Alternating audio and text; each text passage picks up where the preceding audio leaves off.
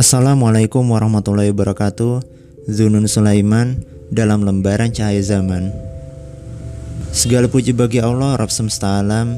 Segala puji pula baginya yang melimpahkan kita nikmat yang tiada batas, yang memberikan kita ketenangan, juga ketenteraman batin di masa-masa sulit seperti saat ini.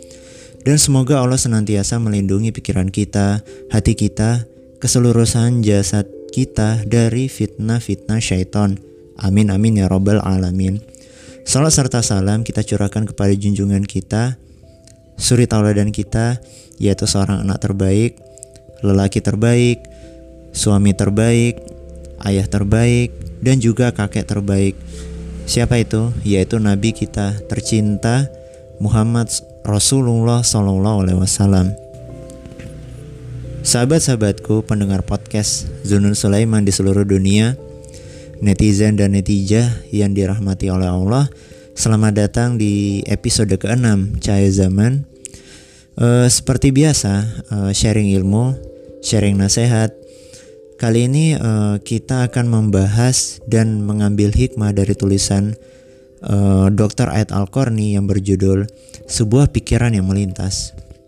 Nah, sebelum sharing, uh, saya ingin membagi uh, keheranan saya terkait judul ini Kenapa? E, tahu nggak teman-teman? Di dalam buku Cahaya Zaman ini, tulisan Dr. Ait Al-Qarni ini ada lebih dari satu judul yang sama dalam satu buku beliau. Setelah saya cek, saya catat dalam daftar isi itu, itu ada banyak halaman yang judulnya sama. Contoh misalnya, halaman 126, judulnya Sebuah Pikiran yang Melintas. Halaman 170, judulnya Sebuah Pikiran yang Terbesit halaman 175. Sebuah pikiran yang terbesit. Halaman 249, sebuah pikiran yang melintas. Halaman 251, pikiran yang melintas. Halaman 254, sebuah pikiran yang melintas. Halaman 432 juga judulnya sama. Sebuah pikiran yang melintas. Nah, sebenarnya apa maksud dari sebuah pikiran yang melintas ini? Sebenarnya uh, apa sih yang menarik dari judul ini? Uh, di dalam buku Cahaya Zaman, uh, terkadang ketika kondisi pikiran kita sedang kosong, entah itu sedang berkendara mungkin, sedang masak, sedang mandi, makan, bahkan ibadah pun uh, setiap orang pasti pernah mengalami uh, peristiwa semacam ini. Ya kayak semacam ada bisikan atau mungkin ada tahu-tahu mikir sesuatu mendadak kepikiran ini kepikiran itu. E, menurutku pribadi sih hal ini bisa jadi dua kemungkinan. E, jika yang terlintas dalam pikiran kita adalah hal-hal yang berbau kemaksiatan ya sudah jelas itu bisikan syaiton sedangkan apabila yang terlintas dalam e, pikiran kita yang dia itu sebuah hasil-hasil perenungan atau biasa kita sebut uh, mungkin ilmu hikmah atau hasil dari berzikir atau tafakur, tadabur, sesuatu yang menenangkan hati, maka sangatlah beruntung orang yang mendapatkan hal semacam ini. Nah, saya ingin uh, membahas sebuah judul yang judul tadi sebuah pikiran yang melintas. Tetapi ini khususnya adalah yang ada di halaman 249. Oke, langsung saja uh, silakan disimak. Saya akan membacakan sebuah pikiran yang melintas. Saya heran melihat sebagian para pelajar yang begitu antusias mengoleksi buku, mengopi, dan mencatat. Mereka begitu semangat mencari buku-buku yang belum dimiliki. Mereka akan merasa sedih jika belum bisa memiliki buku yang diinginkan. Namun sayang, mereka tidak mampu menguasai satupun dari bidang ilmu yang ada mereka jarang sekali membaca dan pemahaman mereka lemah. Mereka hanya gemar mengoleksi buku aja, tidak lebih dari itu.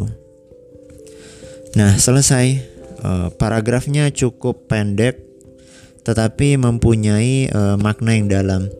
Jadi, kebijaksanaan seorang penuntut ilmu atau seseorang yang ingin menguasai suatu bakat skill tertentu kiranya fokus dalam penguasaan apa yang dipelajari. Terkadang kita terlalu silau dengan karya-karya, eh, buku-buku, catatan-catatan, atau tulisan-tulisan, tetapi kita masih abai untuk mengambil pelajaran, menggali hikmah dari media-media itu. Kita boleh sih rakus terhadap suatu ilmu, tapi ingat, manusia juga bisa tersesat karena tidak bijak dalam menyikapi ilmu tersebut. Berapa banyak orang yang mengeluarkan uang yang cukup besar untuk mengoleksi buku-buku ilmu, tetapi betapa mudahnya syaitan membisiki manusia agar tidak fokus pada apa yang kita tuju. Ada goal yang kita kejar setelah membaca suatu karya. Apa itu? Sebuah pemahaman yang menghasilkan perilaku atau amal. Sebuah ilmu hanya akan bermanfaat apabila kita mengamalkannya secara benar. Bukan berarti saya melarang eh, sahabat-sahabat sekalian, sahabat-sahabat semua untuk tidak mengoleksi buku, tidak. Akan tetapi setelah Anda selesai membaca sebuah buku, Selanjutnya apa? Apakah hanya dipajang saja hingga berdebu atau Anda sedekahkan kepada orang lain yang membutuhkan isi dari buku itu? Atau Anda memilih mempelajari ilmu tersebut kemudian Anda mengamalkannya kemudian mendakwahkan isi buku tersebut? Ya, saya juga seorang pelaku. Ya memang ini sebenarnya nasihat untuk bersama, nasihat untuk kita semua. Tetapi bagi saya, satu-satunya buku atau kitab yang tidak akan selesai kita gali ilmunya adalah kitab suci Al-Quranul Karim. Inilah kitab yang seharusnya lebih sering kita baca, lebih sering kita ambil pemahamannya, ambil makna-makna di dalam kitab ini. Allah Subhanahu wa taala berfirman di dalam surat Al-Baqarah ayat 2, "Dzalikal kitabula raiba fih hudalil muttaqin." kitab Al-Quran ini tidak ada keraguan padanya petunjuk bagi mereka yang bertakwa. Jadi, kesimpulannya adalah kuasailah bidang ilmu yang tidak hanya bermanfaat untuk individu saja, tetapi juga bermanfaat bagi umat dan jangan hanya mengoleksi buku, tetapi koleksi dan milikilah pemahaman. Dengan yang dengannya kita bisa lebih baik lagi di masa mendatang, di masa depan. Mungkin itu saja dari saya. Kurang lebihnya mohon maaf. Kebenaran adalah semata-mata milik Allah yang maha benar, sedangkan saya mungkin tentu banyak salahnya. Sampai ketemu di podcast selanjutnya. Saya Zunun Sulaiman dalam lembaran cahaya zaman. Assalamualaikum warahmatullahi wabarakatuh.